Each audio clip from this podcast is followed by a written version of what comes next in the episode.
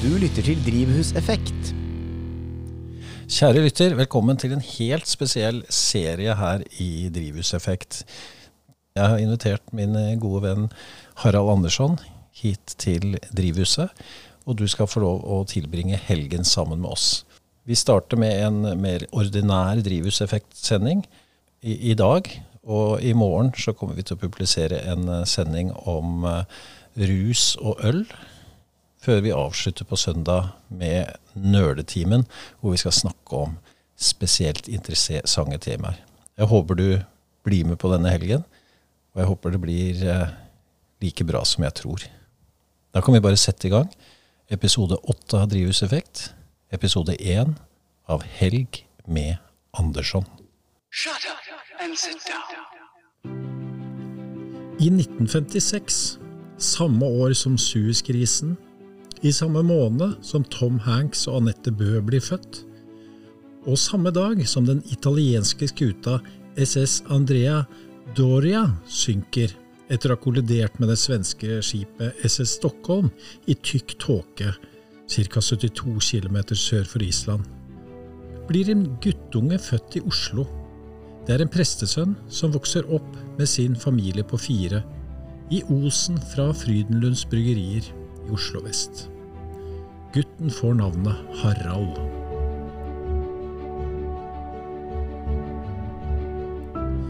Til frustrasjon for sine foreldre fatter Harald tidlig interessen for øl og teknikk.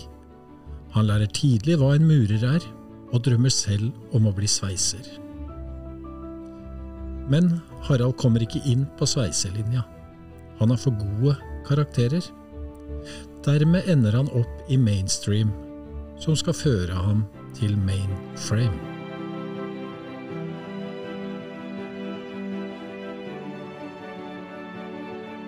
Harald er begavet og blir en viktig, kunnskapsrik person da IT-bransjen skal bygges, i Norge og i verden. Harald jobber hardt og har gode ferdigheter.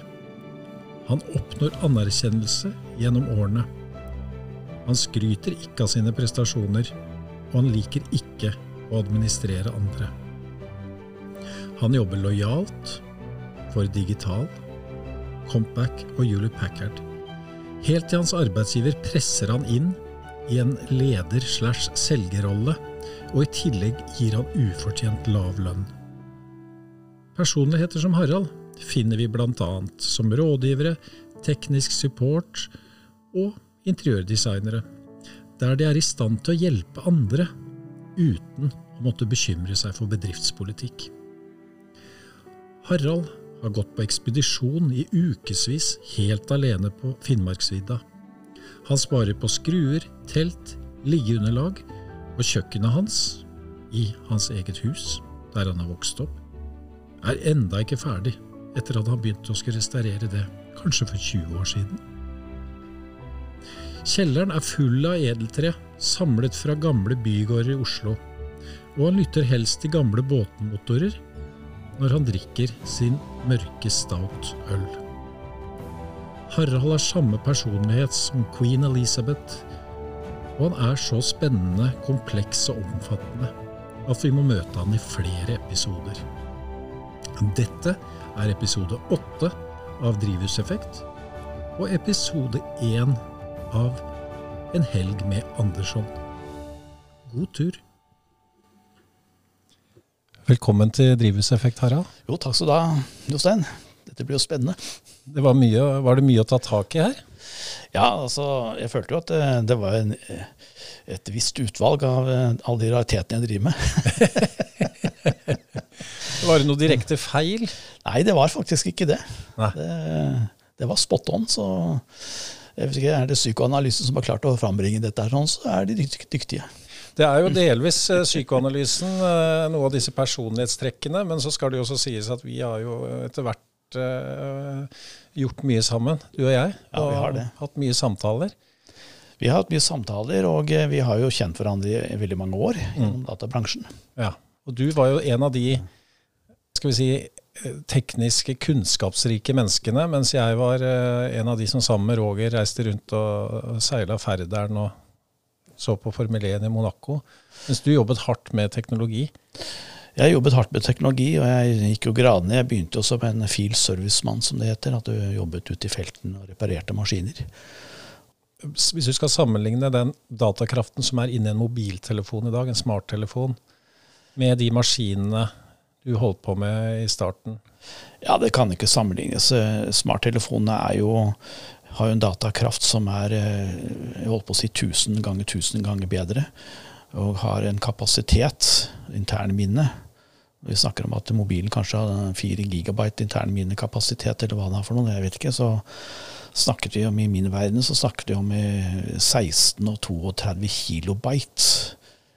Men du, jeg har faktisk ikke tenkt at vi skal snakke så mye IT. Det, det, hadde, du vært et vanlig menneske, så hadde det vært bare dette du kunne. Men du er så omfattende menneske. Og eh, en av de tingene jeg gjorde når jeg sluttet i IT-bransjen, var at jeg ønsket å, å, på en måte hedre de menneskene jeg har jobbet sammen med, som har stått for denne kunnskapen. Og da kan vi bare henvise til en uh, videosending. Vi kjørte en direkte live videosending som ligger på Vimeo. Vi skal dele lenken på den, som heter 200 minutter med Harald Andersson, heter han sånn. Uh, hvor vi snakker om øl og IT. Så hvis du syns denne introen her var spennende, så er det bare å sette seg ned og kose seg med den. Kan vi ikke si det sånn, Harald? Vi kan si det sånn. Og eh, øl og IT det er jo to sentrale ting i mitt liv. Det ene er jo selvfølgelig det faglige, og da tar jo dette programmet for seg, eller den seansen vi hadde, det var jo ID-historien. Altså fra den første mm. datamaskinen som så dagens lys, og litt sånn høydepunkter framover. Kombinert med litt øldrikking og ølsnakk. Jeg, syns det ble ganske bra. Ja. Og det er litt spesielt, da, fordi veldig mange eh, datamennesker er veldig opptatt av øl. Det, det følger hverandre. Mm. Og det er jo datamennesker som hoppet av, som begynte med mikrobyggeri. Så mange av de kjente mikrobryggerimerkene i verden, det er gamle datamennesker som nå hoppet av og startet dette. Hvis dere googler opp den eh, Facebook-siden som heter Tovoko, så vil dere finne ut at uh, Harald og jeg vi har vært på turné i Beistad to ganger og holdt foredrag om øl. Ja. Det var litt av en reise? Det var litt av en reise, og en fantastisk reise. For i Beistad der er de så snille og åpne og visste ikke hva de kunne gjøre for godt for oss. Mm. Og vi ble tatt imot som grever, og ble handlet som grever. Skal vi sende en varm hilsen opp til dem? Vi må sende en varm hilsen opp til Beistad, ja. Det gjør vi. Du lytter til Drivhuseffekt. Litt tilbake til den introen. Jeg var jo inne på en del der. Mm. Eh, vokste opp i Osen fra Frydenlund bryggerier. Ja. Familie på fire. Ja. Det var eh, Osen, sier du. Det var vel egentlig stanken da, fra humlebryggingen. Mm. Humla lå som en lukt over Lille Bislett. Og vi lekte jo på Lille Bislett. Ja. Fotball og sykla og, og herja rundt der sånn. Ja. Og da pustet inn denne humlelukten, da. Så det var kanskje derfor jeg ble interessert i øl. Ja. sånn, eh, hva skal jeg si, yrkesskade, eller hva skal jeg si, barneskade. Lungeskade heter det vel egentlig. Og Er dere ekte Oslo-folk? Ja, det er, kan man trygt si. Vi er vel en av de få som har, eh, kan føre slekten tilbake i tre generasjoner i alle ledd. Yes. Og eh, det begynte med egentlig min oldefar eh, på morssiden som da kommer fra en gård oppe i Kongsberg-traktene. Og ikke var odelssønn, og kommer ned til Oslo og får jobb som skomaker på Akershus festning. Det var en statlig stilling, og trygg. Eh, så det var eh, nedgangstider og fattige, eh, fattige forhold i Norge. Så hadde han sin inntekt, som førte til at han kunne påkoste sin sønn en utdannelse min morfar. Så han ble jurist, og jobbet da i rettsvesenet. og så finner han seg en, en ung syerske som kommer fra Kragerø-traktene. Og hun kom fra fattige forhold. Hun ble sendt bort. Og skulle sy, og sy for borgerskapet i Oslo. Og de traff hverandre på et eller annet tidspunkt, altså mine besteforeldre på morssiden. Og så er det på min fars side, der eh, er det egentlig en innvandring fra Sverige. Det er derfor det heter navnet Andersson. Ah, det, ja, det lurte jeg på. Ja. Så han kom fra Sverige og startet forretninger i Oslo-området. Og eh, fellestrekket var vel at alle disse forretningene gikk mer eller mindre konkurs. Dette greide han ikke. Ok. Nei, så han, han var eh, veldig egentlig akademisk anlagt og, og eh, ville studere på universitetet, men han ble tvunget inn og skulle overta sin fars bedrifter. da. Altså min oldefars bedrifter. Altså, han ble aldri en god forretningsmann. De gikk konkurs alle sammen? Ja, jeg tror det, mer eller mindre. han startet opp i konkurs og startet opp i konkurs. Så blir da min far født. Og eh, Viktor? Victor, ja, en spennende person, fordi han eh, opplevde jo krigen og var med i motstandsbevegelsen og var kurer til Sverige. Oi. Og måten han da kunne være kurer på, det var at han kunne da utnytte sin fars svenske statsborgerskap, så han klarte å, å fake et norsk-svensk statsborgerskap. Så han hadde et svensk pass. Så da kunne han dra fram og tilbake. Mm. Men så ble han avslørt, så han uh, flytta til Sverige og bodde, jobbet på en gård der og ble utnyttet på det grovste. Lite Hvordan lønn. Ja, har hardt arbeid, lite lønn. Fordi de visste at han var en illegal flyktning til Sverige, så de liksom bare utnytta han. Svenskene? Svenskene, ja. Og eh, det han utsettes for der i Sverige, det førte til at han fikk en religiøs eh, opplevelse. Og bestemte seg for at han skulle studere som prest. Ja. Og det gjorde han. Og så treffer han da min mor, som da uh, utdannet seg som lærer. Og det blir jo andre generasjons uh, uh, Oslo-borgere. Og så kom jeg da som tredje generasjon. Du er litt stolt av det? Ja, altså Det jeg mest eh, reflektert over, er jo at det, det, det blir en sånn klassereise hvor, det, hvor det, det er småkårsfolk. De var småbønder og fattige på en liten gård oppe i Hokksund der. Eh, Og eh, fiskere eh, nede ved Kragerø. Og så får de seg en utdannelse og liksom bygger seg opp. Barna får seg en bedre utdannelse og bygger seg opp. Og så blir det en gjeng med akademikere. Ja. Og eh, det er jo godt og vondt, da, for jeg må jo si at jeg vokste opp i en veldig akademisk familie. Og jeg er selv ikke noe som helst form for akademiker. Nei, og det, det sa jeg jo i den introen her også, at du, du var veldig fascinert der du fortalte meg av sveising, og du fortalte vel hjemme at du ville bli sveising. Sveiser. Og, så, og så lurer jeg litt på, så sa de, eh, og det var, sikk, var sikkert ikke god jord det, i en akademisk familie. Nei, det var ikke dårlig jord. De hadde ikke noen, noen synspunkter på det. De syntes vel det var litt underlig da, at hvorfor i all verden skulle jeg bli sveiser. Men det er en historie. Det er jo det at eh, vi hadde en båt på Hovedøya. eh, Så jeg delvis tilbrakte, tilbrakte min barndom der med å pusse gamle båter. Og der møter jeg Kverner Bruk, arbeiderne på sveisegløvet og, og sånne ting, som hadde sin snekker der ute. Og jeg ble så fascinert av disse menneskene og deres kunnskap når det gjaldt det å kunne få til ting og lage ting. Og der, eh, Dette gjorde så et inntrykk på et barnesinn at uh, sveiser var det jeg skulle bli. Ja, og det i vår tid, nå er det jo veldig fokus på dette med, med yrkesfag. Ja. Så er vel dette kanskje en oppfordring da, til uh, de som enda ikke har valgt seg et yrke, at hvis du føler for det, så bli sveiser. Ja. Fordi det, jeg fikk litt sånn inntrykk at det var litt sånn sett ned på. Altså Jeg sier jo du hadde for gode karakterer til å bli sveiser. Ja, det var, det var en periode hvor Oslo-skolen var eh, formulert slik at uh, yrkesskole og en del linjer det var forbeholdt de som da ikke hadde så gode karakterer innenfor teoretiske fag. Eh, Det er feil å si at de var dumme, for det var de ikke, men de hadde da andre interesser. Og så hadde jeg da litt annerledes for teoretiske fag, så jeg fikk jo ganske gode karakterer. Og da fant vi at nei, jeg skulle ikke ta plassen fra disse andre som da hadde behov for å ta mer yrkesrettet utdannelse. Så det er altså sant det at du, du er rett og slett diskriminert Eller ja, hva heter det? Du er, Ja, det blir en omvendt diskriminering, da. ja. ja, det gjør det. Så da måtte jeg begynne på mainstream-linja, da. Og eh, tok uh, ingeniørutdannelse innenfor eh, Det var ikke IT den gangen, det var elektronikk, da, som det het den gangen. Men du, det er mange ting jeg vil innom her, og vi skal ha flere Jeg sa dette er første episode, og denne episoden den skal handle litt om deg og sånn, og så skal vi ta noen av disse eh, spesial-nerdområdene. Skal, vi- skal vi ta en egen episode på. Ja vel. Ja. Så, så for, ja, vi, det er noe vet ikke om vi skal ha noen teasere der. Det er kanonkuler, det er skruer, gjenger. Eh, utrolig spennende tema, syns jeg, da, som veldig få andre har satt seg inn i, som du har satt deg inn i.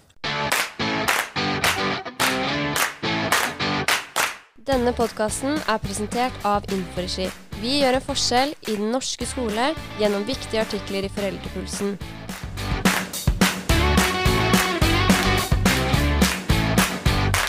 Visste du at Inforegi gir liv til infoskjermer hos grunnskoler og videregående skoler i hele landet gjennom målrettede oppslag? Du velger tema, vi oppdaterer automatisk. Og hvis du trenger hjelp til podkast, så kan vi hjelpe deg med det også.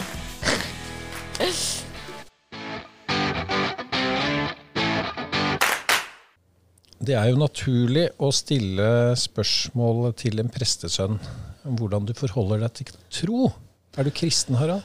Ja, Det syns jeg er et forferdelig vanskelig spørsmål. Og jeg vet at eh, mange sklir jo automatisk inn i en sånn kristenrolle fordi eh, foreldre er kristne. Og så blir man kristen selv. Og så var det noen som eh, spurte meg Jeg går jo ikke i kirken, jeg er ikke noen kirkegjenger. Og jeg har jo eh, knapt lest Bibelen. Jeg har lest eh, Nytestamentet, ikke hele, men visse kapitler. Og, og, og har jo fått dette inn med morsmelken på mange måter. Men jeg kan vel ikke si at jeg egentlig er kristen på den måten at jeg har en, en sånn bevisst tro. Og, Hva syns faren din om det? Har du sagt det til han? Ja, dette har vi snakket om, og eh, han er jo veldig oppmerksom på dette, den såkalt intellektuelle tilnærmingen. da, At eh, man kan ikke tvinge seg til å tro. Det, det må jo være en form for overbevisning. Og jeg har aldri hatt den overbevisningen. Jeg har aldri liksom sett eh, altså Noen snakker om at de får en åpenbaring, eller de som skjønner at dette er riktig. Jeg, har, ikke, jeg har ikke fått den åpenbaringen. Jeg har ikke fått den, den argumentasjonen. Så jeg føler at eh, spørsmålet er veldig vanskelig å svare på, egentlig. Men, Men du jeg- sa at du ikke er det. Ja, jeg sa det, og for jeg, jeg har ikke funnet Guds åpenbaringen. Er det for seint? Nei, det, det kan selvfølgelig skje når som helst, men, eh, men jeg skjønner ikke De fleste velger jo ut dette som livsstil når de er yngre og liksom skal finne sitt jeg. Hvem er jeg? Og eh, under prosessen så har vel jeg nå havnet mer eller mindre at jeg er vel en form for en slags ateist. Det er jo litt spesielt. Det, eller mange syns jo dette er spesielt. Ja, du er prestesønn, og så har de masse merkelige oppfatninger, eller umodne oppfatninger om dette. Hva er, som, er du strengt oppdratt, eller hvordan er det på å være en prestesønn? For det, det var ikke hvilken som helst prestesønn du er heller. Du var jo sønnen til radiopresten Viktor Andersson. Ja. Og han var sånn som holdt andakter, han da. Han hadde han holdt vel ikke nødvendigvis andakter, eh, for det ble, gikk på rundgang mellom inviterte, men han holdt også andakter selv. Men eh, det, det han er mest kjent for, er vel kanskje eh, salmer og sanger, som vi gjerne hører. Som raskt ble omdøpt til salmer og sanger vi aldri hører, eller salmer og sanger Viktor Andersson gjerne hører. En egen programserie. ja. ja, og det som er så merkelig, det er at jeg hørte jo selv aldri på disse programmene. Det var jo fordi at jeg kanskje var litt for ung, og jeg hadde vel ikke så veldig interesse for det heller, for jeg ville høre på rock. Men jeg møter altså mennesker nå helt opp i voksen alder, på min egen alder, som, som, som trigger. Og Viktor Andersson, ja, det var salmer og sanger, og dette hørte de på. Det var helt vanvittig stort nedslagsfelt på det programmet der. I aldersgrupper man alle skulle tenke seg var interessert i å høre på dette programmet. Og det overrasket meg, at, eh, at det var så stort nedslagsfelt. Det som er litt trist med dette her, er jo at det, det er jo veldig lite lagra fra den tiden. Men jeg har funnet ett spor, eh, som er fra 28. mars 1980. Og det var en spesiell eh, dag, for det var dagen etter Alexander Kielland-ulykken. Og da var det din far som skulle holde, andakten. Husker du noe fra dette her? da? Ja, jeg husker godt eh, den, seang, altså den hendelsen, for det var jo en, var en veldig alvorlig hendelse. Og eh, det ble jo sendt på eh, de mediene som var, og det var jo nærmest landesorg. Og alle normale programmer ble jo avlyst. Alle underholdningsprogrammer om kvelden ble jo avlyst. Og så ble det sendt sørgemusikk. Og så skal da min far eh, holde en morgenandakt. Og eh, den eh, opprinnelige planen det måtte da avvikes. Man måtte da forholde seg til den tragiske situasjonen. Så han tar dette på sparket, helt uforberedt. Og i ettertid så har han fortalt at han husker ikke hva han sa for noe. Det var, det, var, det var helt uforberedt, og han prøvde å finne ut hva han skulle si for noe. Han klarte det ikke. Og så holder han da denne andakten, som har fått veldig mye oppmerksomhet, helt uten forberedelser og helt uten at han visste hva han skulle si for noe.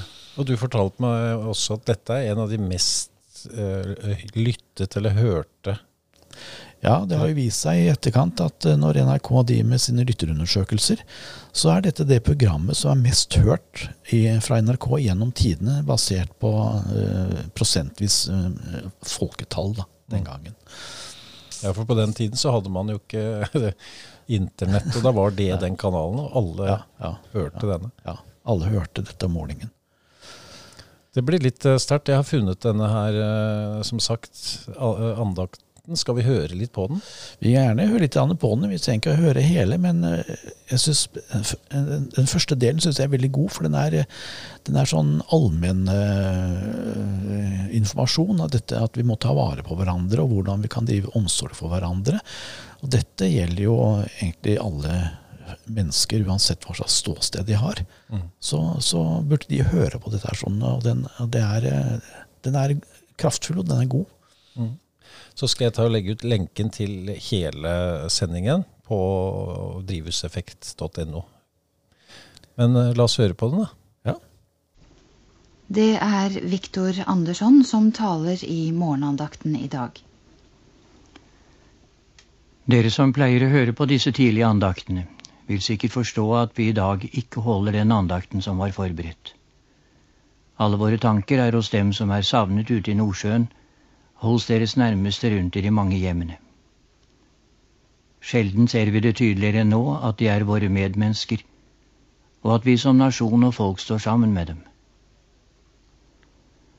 De sto i sitt daglige arbeide for seg og sine da ulykken rammet dem. Vi sitter igjen med sorgen, med tomrommet og med de mange spørsmålene. Og nå kan vi ikke med ord gjøre noe annerledes, og i vår avmakt skjønner vi ikke de veldige krefter som råder over liv og død. Å finne noen mening i det som er skjedd, skal vi ikke forsøke. Men mange av oss skal allikevel begynne å se fremover på den oppgaven som vi nå står overfor. De som er rammet av sorg, må få vite at de ikke skal stå alene. Det vil, rent praktisk, være renter og avdrag som skal betales. Barn og unge som vil trenge hjelp, både til det daglige og til utdannelse. Vår nestekjærlighet må være mer enn varme ord og tanker. Den må bli rent praktisk. Men når dette er sagt, så er det en annen oppgave kjærligheten viser oss. At de som blir alene, får oppleve varmen og fellesskapet fra sine nærmeste. Sjelden får ordet om å elske sin neste et mer krevende innhold enn når vi skal bruke vår tid til å fylle tomrommet hos våre nærmeste med omsorg og varme. De som sitter igjen alene, må få følelsen av at mange står rundt dem og støtter dem, er nær dem. Særlig skal vi tenke på å ta oss av barna og de unge som skal vokse opp uten far. Men våre tanker gjelder også ektefeller og foreldre.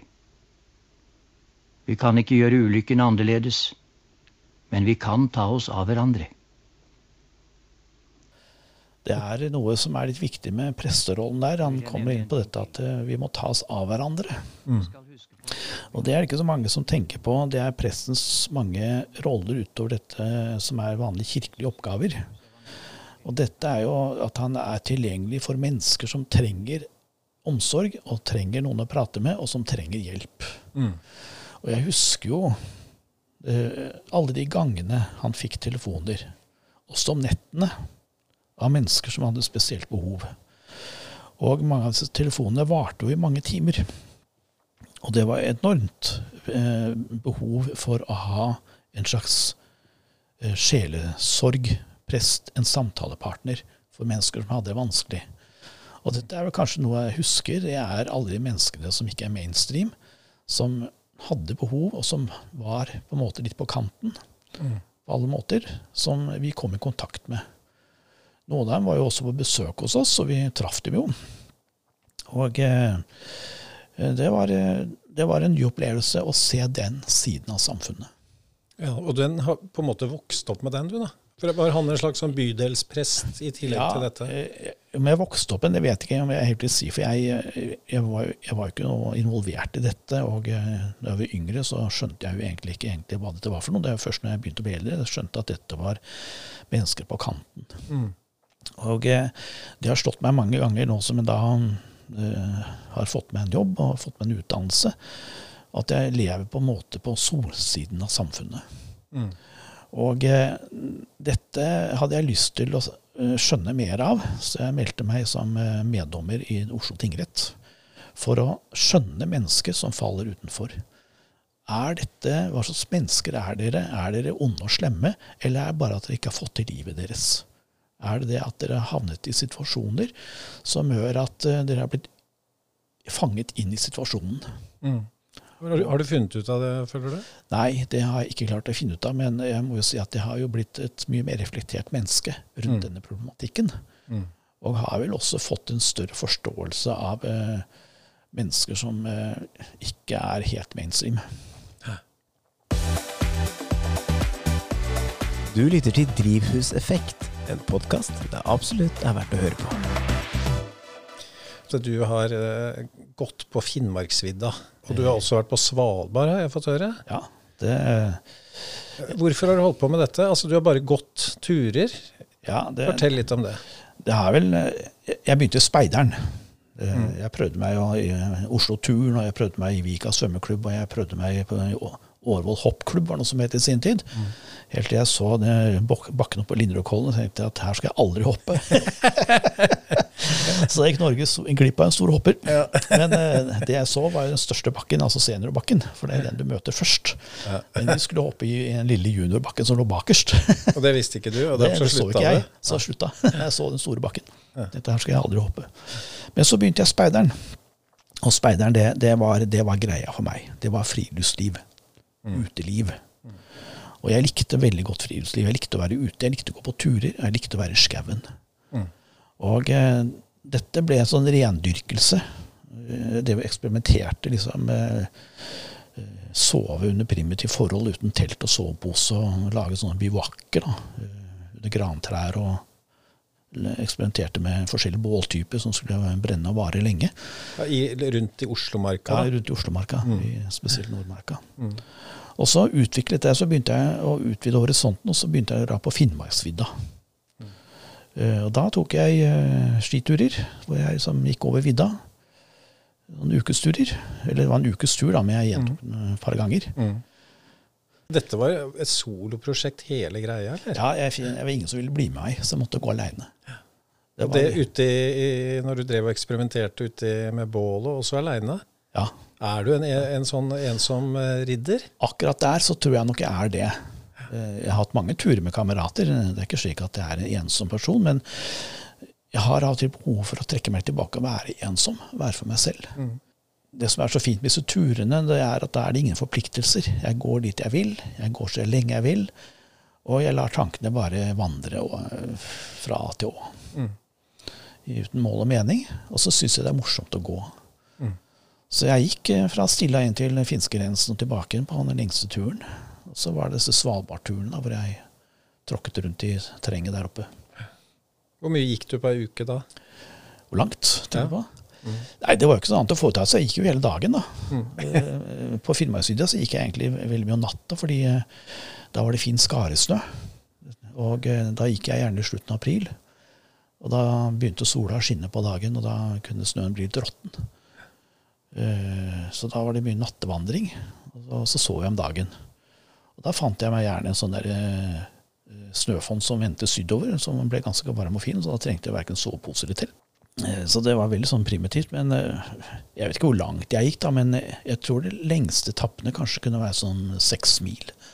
Ja. Som, Grunnen til at jeg spør, er at du har jo meldt deg inn i folkebevegelsen 1000 i 21. ja.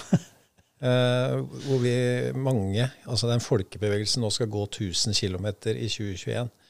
Uh, er det Det må jo være en easy-peasy for deg det nå, Harald? eller?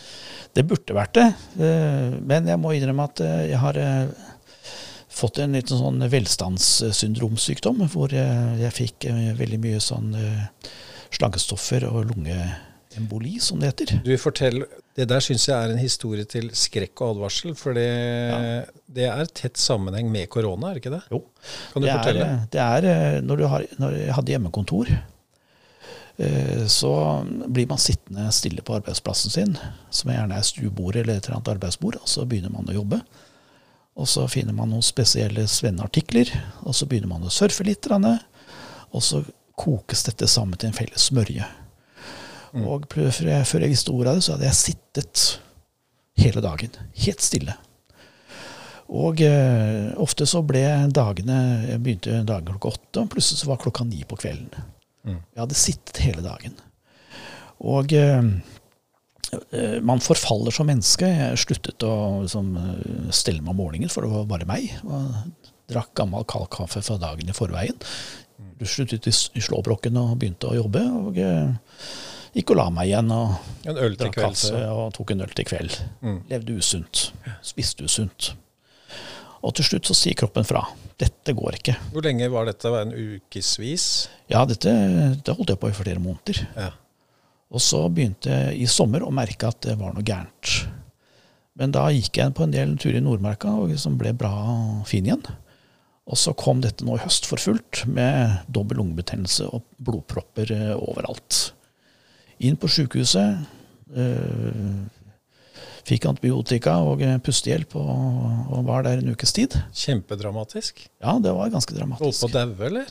Nei, jeg vet hvor, jeg vet ikke hvor dramatisk det egentlig var, for de sier jo ikke så mye. Og så vil de ikke skremme pasienten. Men jeg skjønte jo det at det var, det var litt mer enn det vanlige lungeemboli. Det var litt kraftigere. Og det jeg skjønte på, det var at jeg fortsatt har oppfølging med, med målinger av blodtrykk og oksygeninntak og slike ting. Og dette satte meg altså så ut at jeg hadde problemer med å gå mine vanlige turer. Så jeg er egentlig i en sånn treningsopptreningssituasjon. Og da er jo 1000 i 21 perfekt for deg, for det er jo sånne som deg som, og meg som virkelig trenger å ha noe sikt Det, det, mot. det er det, ja. Vi skal klare dette her, ja. Vi klarer det. Foreløpig så har vi kanskje bare gått én mil, men det Ja, ja, men du, litt lenger. ja, ja, men du, du, Men, eh, nå er det tøft i januar, og så blir det jo finere og finere. Så eh, du må ikke hoppe av. Nei, vi skal ikke hoppe av. Og eh, dette var en kraftig advarsel Ja. til dette moderne mennesket som har for lite bevegelse i kroppen sin. Her sa kroppen fra, og dette signalet må man bare ta alvorlig. Mm. Nå fikk jeg advarselen. Jeg trenger ikke få ny advarsel. Hvordan var første advarsel? Hvis vi skal Første advarsel var at jeg følte at jeg var veldig kortpustet. Jeg, jeg altså, følte at jeg var litt hoven, i beina. Men jeg ble overrasket når jeg gikk på disse turene i Nordmarka hvor kortpustet jeg var. Jeg tenkte at dette er ikke normalt. Nei. Og så begynte etter hvert å bli at jeg fikk vondt når jeg pustet. Jeg jeg neglisjerte det. Gjorde ikke noe med det. Og til slutt så var det så vondt at jeg skjønte at nå må jeg bare pelle meg ned til eh, Rikshospitalet. Og trodde at dette var en form for korona, men eh, der nede var de proffe, og de skjønte at dette var ikke noe korona, dette var eh, lungeemboli på Ullevål sykehus. Uff a meg. Tøft. Du lytter til Drivhuseffekt. En podkast for mennesker og dyr som har tid til å lære av andre.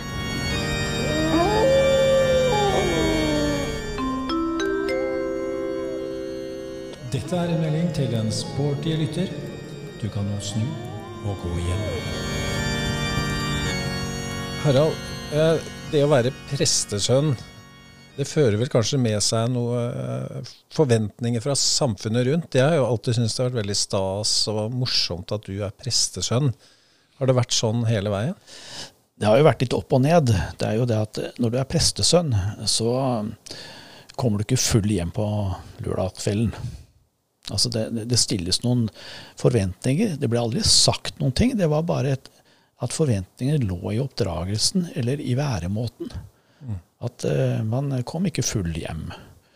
Uh, man uh, var kanskje litt mer snill gutt. At man fant ikke på rampestreker. Og så ble det veldig med det at man ikke skulle plage andre. Måtte du gå i kirken hver søndag og sånn? Nei, det måtte jeg ikke. Og det er noe der, kanskje noe av fordommen eller misforståelsen kommer inn, at det var en normal oppvekst, og den var kanskje litt mer enn normal, fordi man, eh, man fikk se litt mer enn akkurat eh, en vanlig familiesituasjon, som jeg var litt inne på. Dette med eh, pro samfunnsproblemer og andre Mm. kulturer. Mm.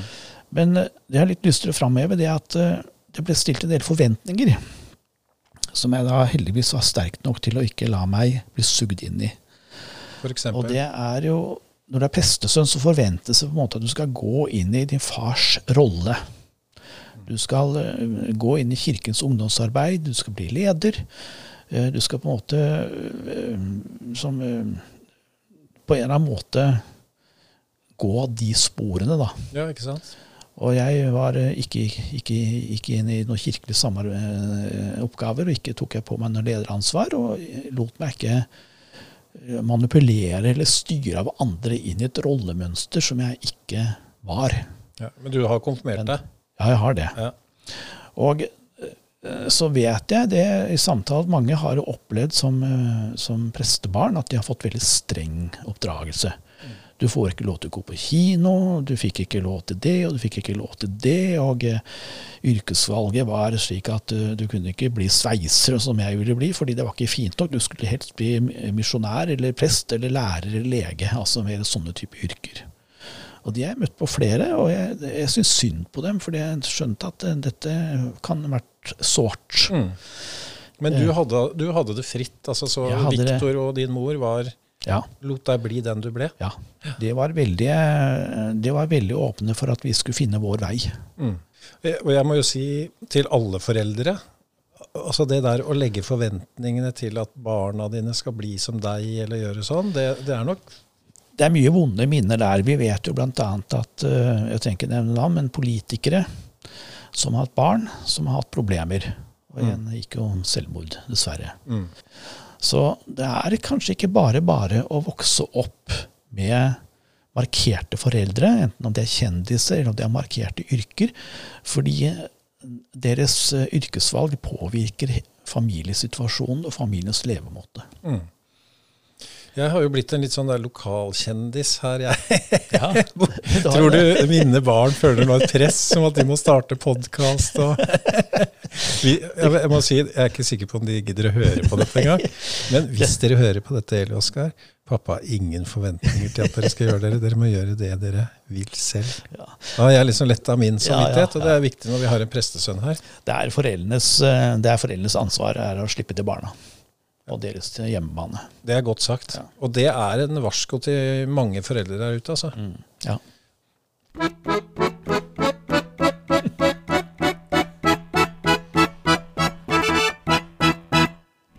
Mat.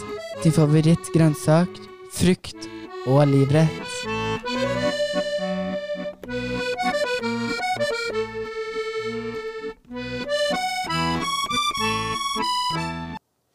Du humret så fint, Harald. Likte du den nye kjenningsmelodien til ja, mat? Ja, var, jeg ble så glad. Det var sånn eh, lykkefølelse. Sitter på en eh, gammel snekke og hører til tøff-tøff eh, Mala-motoren male utover fjorden, og trekkspill og en øl i hånda. ikke sant? Ikke sant? Det var, det var hensikten med den. Så det, jeg tenkte ikke båt når jeg lagde den, men jeg tenkte mer sånn Paris kafé.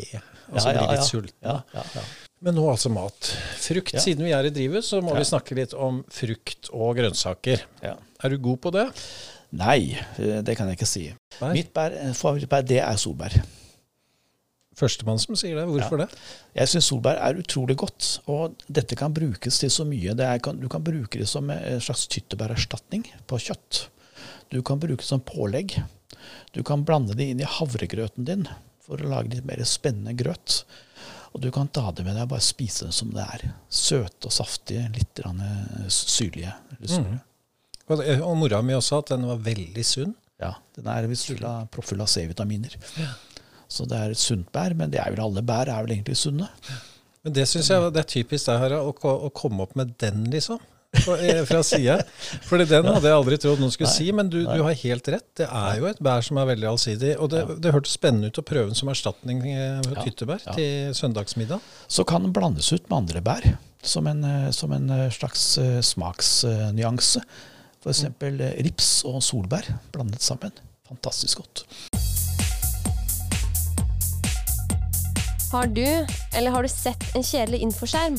Inforegi leverer innhold som skaper interesse og gir liv til skjermen.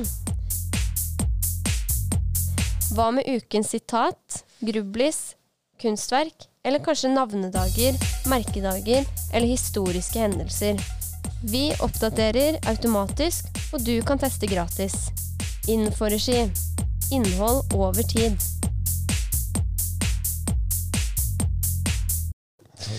Så under lager Men la oss paraply. hoppe videre, da. Ja. Til uh, grønnsaker. Ja, og da tenkte jeg på blomkålen. Fordi den kan du grille. Og den kan du ha i varmeovnen, og den kan du ha ost på, som smelter inn i blomkålen i, varm, i varmeovnen. Så blomkålen med ost for, og f.eks. sånne baconskiver, det er jo et fullverdig middagsmåltid. Fantastisk. Er Der kommer den også. Inn fra sida. Ja, og så er, og så- og så er det det at eh, den smaker forskjellig. Du kan spise den rå. Utmerket som rå knaske. Mm, enig. Jeg syns Du det er kan, veldig god rå. Du kan koke den, eller den skal ikke kokes, den skal jo bare dampes sånn, blir litt sånn. Eller du kan uh, wokke den. Eller du kan ha den i varmeovnen. Og det blir forskjellige smaker. Er, er den sunn? Ja, det tror jeg den er. Ja, den er liksom så fargeløs og sånn, så jeg tenker ja, Fargeløs og kjedelig. ja, litt kjedelig, men sunn. Ja. Det, må, det må vi prøve å finne ut av, for jeg er altså, enig. Det, det er jo, brokkoli er jo sånn full av jern og C-vitaminer og masse stoff. Ja. Den, den, den, og gulrøtter er jo full av C-vitamin, og den er sunn. Poteter er bare full av stivelse, så den er vel ikke så sunn, men den er, eh, har redda norske befolkning fra sultenød i flere århundre. Så den hører med. Men jeg må også si det, hoppe litt helt tilbake til starten her, at eh, vi har jo hatt disse psykoanalysene med Ja. personlighetstest, og du er en forsvarer, var det ikke det det var? Ja, forsvarer. Ja. Og du er den første, fordi det er sånne bokstaver, du er om du er ekstrovert, Ja. det er sånne som meg, Ja.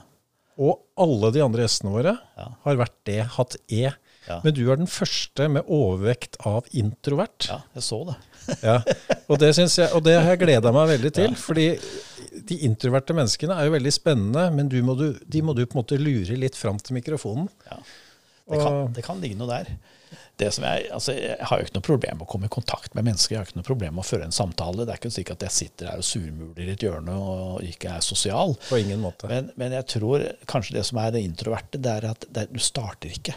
Mm. Andre starter for deg. Og så er du litt tilbaketrukken, litt observerende, og så går du inn. Mm. Og når du er varm, da er du, du Ja, han var sånn er full. Ja, det er bra. Det var fint, det var, det var fint å få sagt det, for det, det var det er veldig glad. Og jeg håper jeg skal få flere introverte. Det er ikke noe gærent med de ekstroverte, men jeg, det er noe med den Jeg syns det er litt spennende. Ja, ja. Syns den er så fin.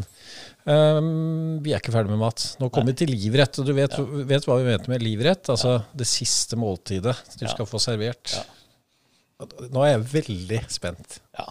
Det må bli hvalbiff. Wow! vi nærmer oss. og det er så langt ingen Jo, Shetan i første episode valgte wraps. Ellers har det bare vært fra havet. Ja. Men nå nærmer vi oss biffen her, da. Men fortsatt en biff fra havet. Jeg, Fortell. Jeg er jo glad i biff, og jeg er jo også veldig glad i sånn thaimat. Sånn blandet mat. eh, Men, men, og det spiser jeg jo jevnlig. Ja, og det skal vi spise etterpå. Du skal jo være hele helgen, Ja, ja. så du skal få mat så, etterpå. og så liker jeg den thaikrydringen. Men det er et eller annet med den hvalbiffen, altså. Det er eh, Den er mør, den er saftig, den er velsmakende. Den er, den er, det, jeg kan ikke forklare hvorfor. Jeg bare syns det er vanvittig godt. Og eh, eh, på Hovedøya i gamle dager så serverte de en hvalbiff på 17. mai der ute. År etter år. Og da var jeg der ute og satt og så utover sjøen og spiste den hvalbiffen med rømme og eh, løk og tilbehør. Og det var en, en sånn kulinarisk opplevelse. Det var liksom ikke bare maten, det var stemningen. Så det er mulig at den hvalbiffen at det står for noe mer enn akkurat bare smakstottene. Og når jeg kommer over hvalkjøtt i gjerne frosne sånne små poser, så kjøper jeg det. og nyter det. Og så får jeg selvfølgelig kjeft av sønnen min, da, fordi han mener at dette er et levende, intelligent dyr, og dette skal vi ikke plage og skyte og, og, og spise. Og jeg skjønner jo alle poengene hans. Hva sier du til Nei, han? Da sier at vi er jo også et kjøttetende dyr. Da. Mm. Så vi må bare sørge for at vi får en human avlivning av dyret, og så spiser vi dem.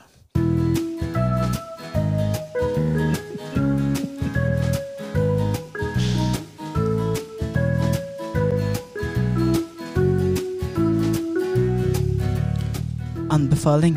En spesiell kulturell ting du er besatt av.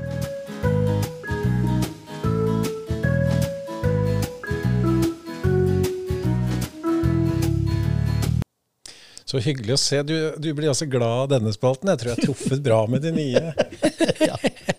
Humrer sånn fint. Og, Ja, jeg måtte liksom eh, Din anbefaling. Så tenkte jeg over det at eh, det er jo sånn naturlig at man kanskje anbefaler en god bok eller et dikt som har betydd mye for deg. Ingenting er tull. Og jeg må Nei, si at jeg har hatt så mye glede av de anbefalingene. For jeg, jeg går etter disse anbefalingene, og det vet jeg også en del av lytterne gjør. Så nå kan du virkelig gjøre en forskjell, da. Ja, men der, der, der kommer det der eh, sykdomsfenomenet mitt inn. Fordi Fortell. min anbefaling det er egentlig også en bok, men det er en bok om dampmaskiner. En lærebok om dampmaskiner. Og det, dette er eh, Jeg har bestandig vært interessert i motorer. Og det har vært veldig dårlig med litteratur om motorer. Mm. Så havner jeg på Rus antikvariat for uh, 30 år siden. Og så sier jeg at jeg vil ha bøker om motorer. Og så sier han at ja, han kunne skaffe noe etter hvert, da. Og så begynner vi å prate, og så kommer det fram at gamle Ruud han er jo en gammel mas- maskinistingeniør. Maskinist. Eh, Så dette var jo hans fagområde. Og det endte med at vi hadde mange samtaler på bakrommet, eh, der hvor han hadde kassaapparatet og sånne sjeldne kart og sånne bøker i helt annen prisklasse. Så sitter vi der og prater om motorer og, og samtaler. Og så sier han at eh, du må skaffe deg en bok, en dansk bok, om eh, dampmaskinlære fra 1905, eller når det var. Og så sier jeg, men får jeg tak i noe sånt nå? Ja, dette skal han få tak i til meg. Og så går han via sitt kontaktnett, og så kjøper han, eller så anskaffer han den boken, og så kjøper jeg den boken av han. Og den boken, den, den er jo bare full av formler. Så er noe, det er ikke noe å lese. Men det er masse fine skisser og tegninger som forklarer forskjellige typer dampmaskiner. Og jeg ble så glad når jeg sitter, jeg blir glad når jeg sitter og blar i denne boken. Mm. Da er det gjerne fyr på en sånn uh, kleberstensovn jeg har. Sitter i en eller annen eh, skinnstol. Beina på et lite bord. Og så sitter jeg og blar og ser på disse tegningene av dampmaskiner. Og så småleser jeg litt. grann, Og så blar jeg og ser på, og så føler jeg liksom at dette var terapi. Mm. Og den har en epilog, den her. Fordi plutselig så kom jeg over eh, boken hos Vangsmo antikvariat i Trondheim. Og da måtte jeg bare ha den. Så jeg har to stykker. Backup kan vi kalle det der. Ja, det er backup. Ja, det må jo en datamann eh, Det må en datamann ha. Men eh, det, det er litt spesielt, da, for det virker jo nå ut som at du kommer med en anbefaling som er umulig å få tak i, så å si. Ja, det blir det. Ja, eller kan kjøpe, legge inn bud på den ene boka di. Da kan du bare sende via drivhuseffekt. Men uh, vi må godt opp på over 10 000-20 000. Ja, altså hvis, hvis anbefalingen er slik at de må kunne anskaffes, Skal vi- så, så skal var vi- det en dårlig anbefaling, da. Nei, men kan vi ta en kort, kort en på det òg, da, siden jeg skal godkjenne at du kan anbefale en ting til som kan anskaffes eller nytes eller høres? Og, Hva hvis jeg utfordrer deg på musikk? ja, da er jeg ganske prim på musikk. Jeg hører bare på Rolling Stones. Ok, Da må det bli en Rolling Stones, da. ja. Men Skal vi si det, da? Ja. Ok. Ja. Hvis ikke du får tak i den boka om dampmaskiner, hva, hva heter den?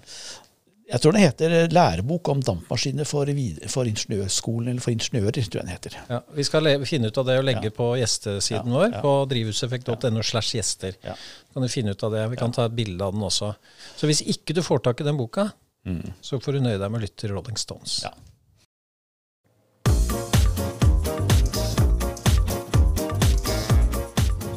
Gjenbruk. En vandregjenstand fra forrige gjest.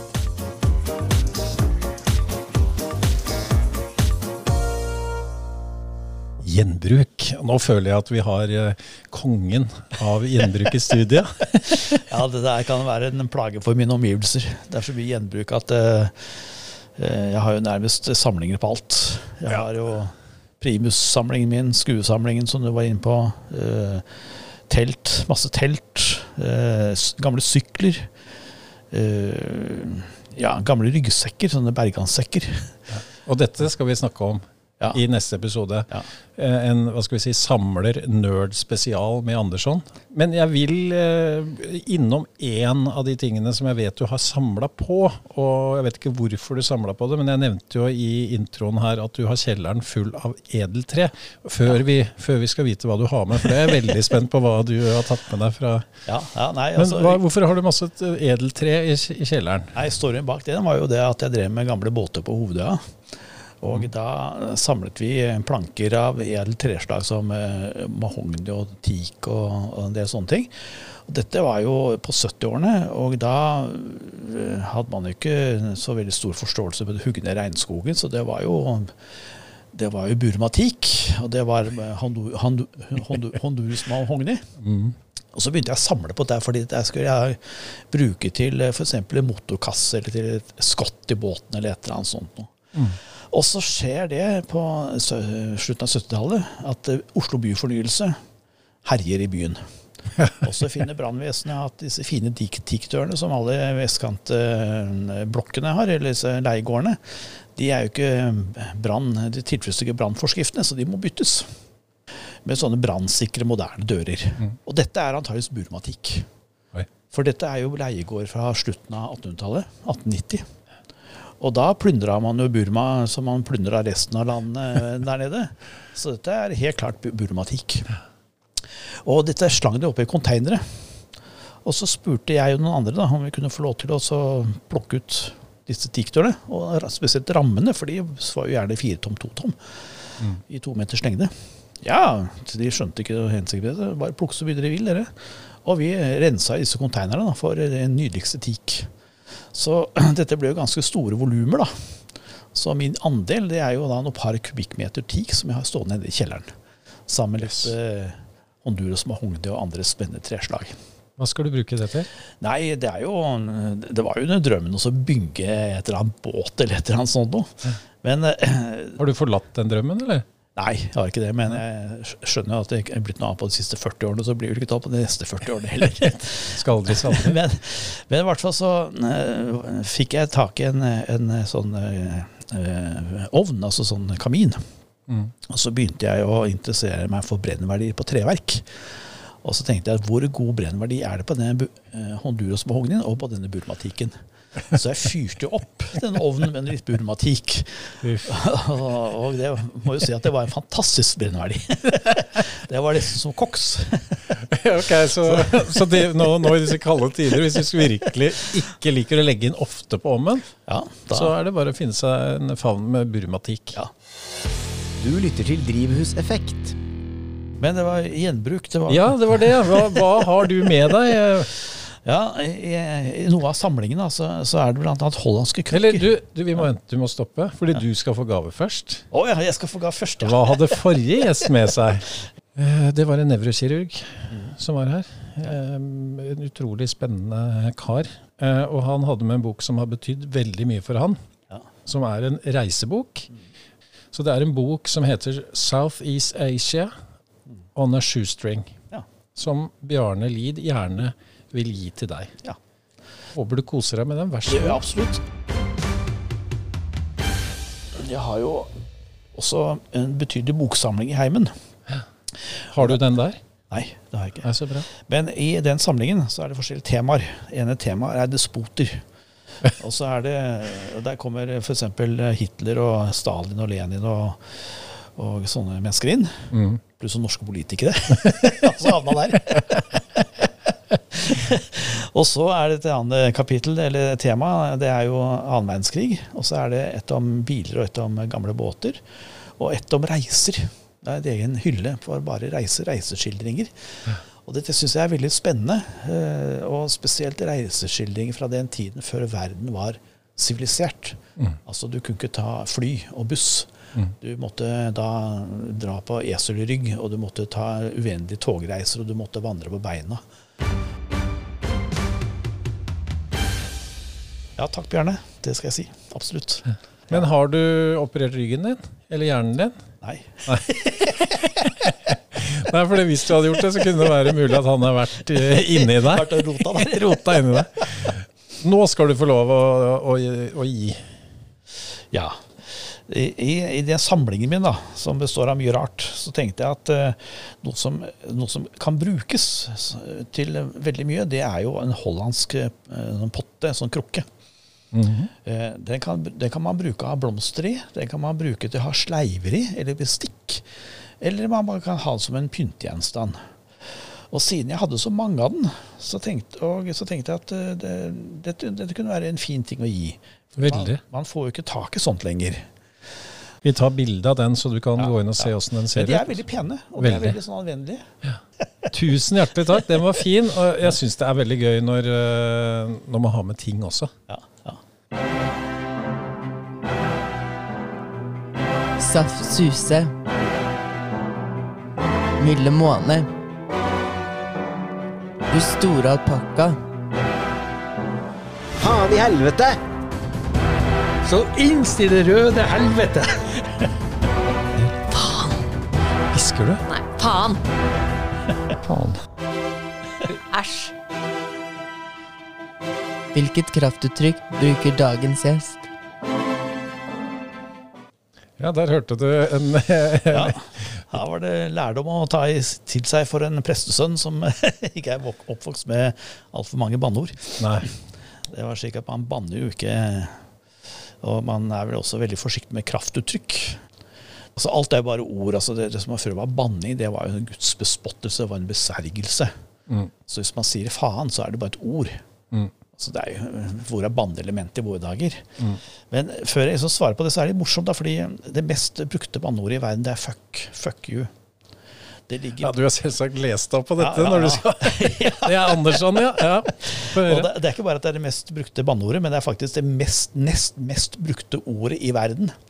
Det mest brukte ordet i verden, det er OK. Det nest beste brukte ordet i verden, det er fuck.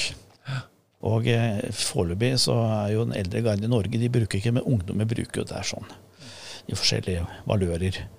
Og det er en professor som forsker faktisk i banneord, som heter Ruth eh, Fjell.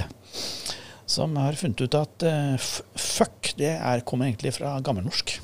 Ja vel. Ja, det betyr det, Ordet heter fokka.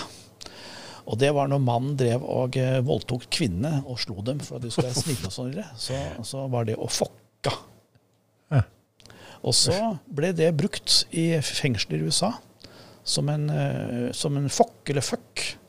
Og det betyr at eh, da blir du voldtatt av dine mannlige medfanger. Mm. Det var liksom da det kraftuttrykket, opprinnelsen til Ja, og da er det jo egentlig innmari stygt, da. Ja, og da er det en stygg utgangspunkt. Så fuck er egentlig et stygt ord sånn sett, da. Ja, det er det. Jeg trodde liksom bare var det samme som å ja, samleie eller Ja, pule ja, ja, eller det er, det er den Enda verre. Det er den voldtektsundertrykkelsen som er grunnlaget for ordet, Og verdens nest mest brukte ord. rett og slett. Som stammer fra Norge. Ja. Hæ? De mener det, da. Ja, de mener det. Ja, ja. Fordi dette er selvsagt, for å si det til lytteren, Andersson han sprer ikke om seg med antakelser. Han har helt sikkert studert dette litt. ja. Researchen er på plass. Ja. Men bruker da Andersson, siden du har studert det, er det fuck du bruker? da? Nei, det er eh, Satan er liksom mitt ord, da. Satan? Ja. Kan du si det? Satan! Ja, Og så- s- sier du det sånn? Ja. Og så eh, hender det av og til jeg sier Satan i helvete, men det er ikke ofte jeg sier det. det Hva, hva jeg- skal skje for at du sier det, liksom? Nei, det er eh, at det slår meg veldig hardt. Ja, Altså, smerte. altså, ja. Hvis jeg, sånn typisk eksempel, du mister telefonen i vann og sånn, og så, så banner man, men da tenker jeg ja, det var trist at det skjedde. Det er en sånn logisk holdning til dette. sånn. Mm. Det er ikke noe du får gjort noe med. Det, er, det har skjedd. Livet går videre. Så, Mm. så, så jeg banner ikke i, sånne sammenheng. Men det er et eller annet hvis jeg har mye smerte eller får vondt, så hjelper det også å sånn knyte armene sammen og si 'Satan'. Og så, og Mm. så tåler man mer smerte. Det, det gjør det, og jeg har vært inne på det tidligere her, og at det, det er jo ikke bare et ord, fordi det er jo Altså Det er bedre å si noe kraftfullt Ja. enn å f.eks. slå. da. Ja. Men det er, jo, det er jo undersøkt. Det er sånn at man tåler mer med banning. Ok. Ja, altså du, du, press, du klarer å yte mer, og du klarer å motstå utfordringer du ellers ikke ville klart å motstå. Det er et eller annet med at du anstrenger kroppen din, du knyter deg, du puster inn, og du roper ut et brøl. Mm. Et eller annet sånt noe. Får ut aggr- aggresjon, eller du klarer å få ut mer utholdenhet. Mm. Finne litt urkraften din, på en måte. Ja, ja. Så, det er, eh, så det er liksom Banning er ikke bare fordi at du øh, er stygg og slem og vasker munnen din og sånn, men det er rett og slett en naturlig eh, reaksjon. Hypnose. Selvhypnose. Ja, for å liksom kunne yte noe ekstra. Men da, da, har jo du egentlig satt dette et helt nytt perspektiv, eh, Andersson. Ja. Og, og da kan vi egentlig da konkludere med at det, brukt på riktig måte, så skal vi ikke forbanne det. Nei, man skal banne. Ja. Eller ha kraftuttrykk. Ja. Så alt annet blir undertrykt. Og så blir man frustrert, og så gjør det seg utslag. Altså trykket gjør, kommer ut på en eller annen måte et eller annet sted. Mm.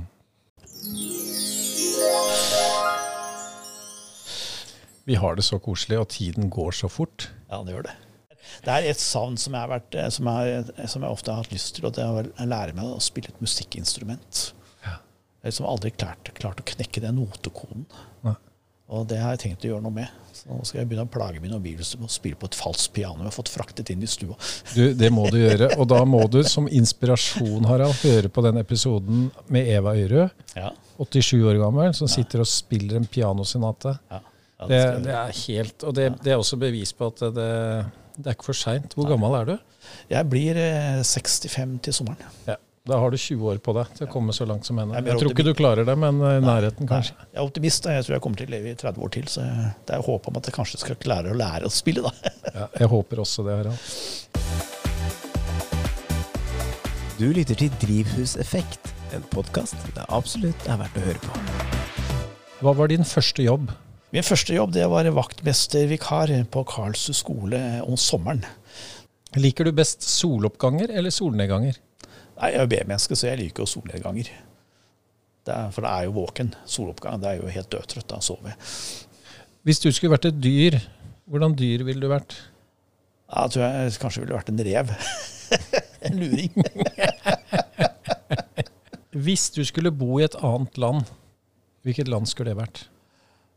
Det som har fascinert meg, egentlig, det er New Zealand. Jeg vet ikke hvorfor. Det ligner litt på Norge, og så er det på den andre siden av jordkloden. Hvis du skulle endra fornavnet ditt, hva skulle du hett i stedet? Nei, jeg syns egentlig sånn, sånn norske naturnavn, sånn bjørn og ulv og sånn, syns jeg er, klinger litt an i Du burde hett Mikkel, da, siden Mikkel, du har vært en rev. Ja, ja. burde hette det, ja. Og så rev til etternavn. Ja. Hva gjorde du ved midnatt i går, Harald? Da satt jeg og leste en eh, bok som jeg akkurat har fått om uh, Jagland. Hei, det her er Eva. Nå har mannen min spurt nok. Nå skal du få stille Jostein ett spørsmål. Og jeg forventer at han er ærlig. Ærlighet varer alltid lengst.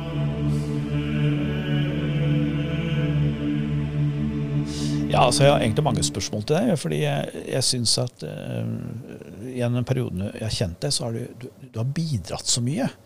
Og så har du løftet fram personer. Og, eh, og, eh, og så er du full av kreativitet. Og så tenker jeg av og til på hvem Og så, og så er du omsorgsfull. Du tar på en måte vare på andre. Og så tenker jeg liksom, hvem er det som tar vare på deg? Eller hvordan klarer du å ta vare på deg selv? Uh, altså, Du gir mye av deg selv, men, men hvor er det, hva er det som gir deg noe? Oi. Det er mye dype eh, spørsmål her, da. Eh, altså, De som tar vare på meg, eh, det er jo familien min. Ja. Altså kona mi og ungene mine. og Ja, nå, jeg tenkte også å ta vare på. Jeg tenkte også hvor får du energien fra? Altså, hvor henter du inspirasjon fra? Glede, kanskje. Og det der å, å, å f.eks. være sammen med deg og det å løfte fram deg, så er det en glede og en tilfredsstillelse og en slags rettferdighet, hvis du skjønner hva jeg mener, i å Men du får ikke løfte Du løfter fra andre, men du løfter ikke fram deg selv. Altså, Altså, jeg hadde et sånn livsmotto som er sånn eh, Gi mer enn du tar.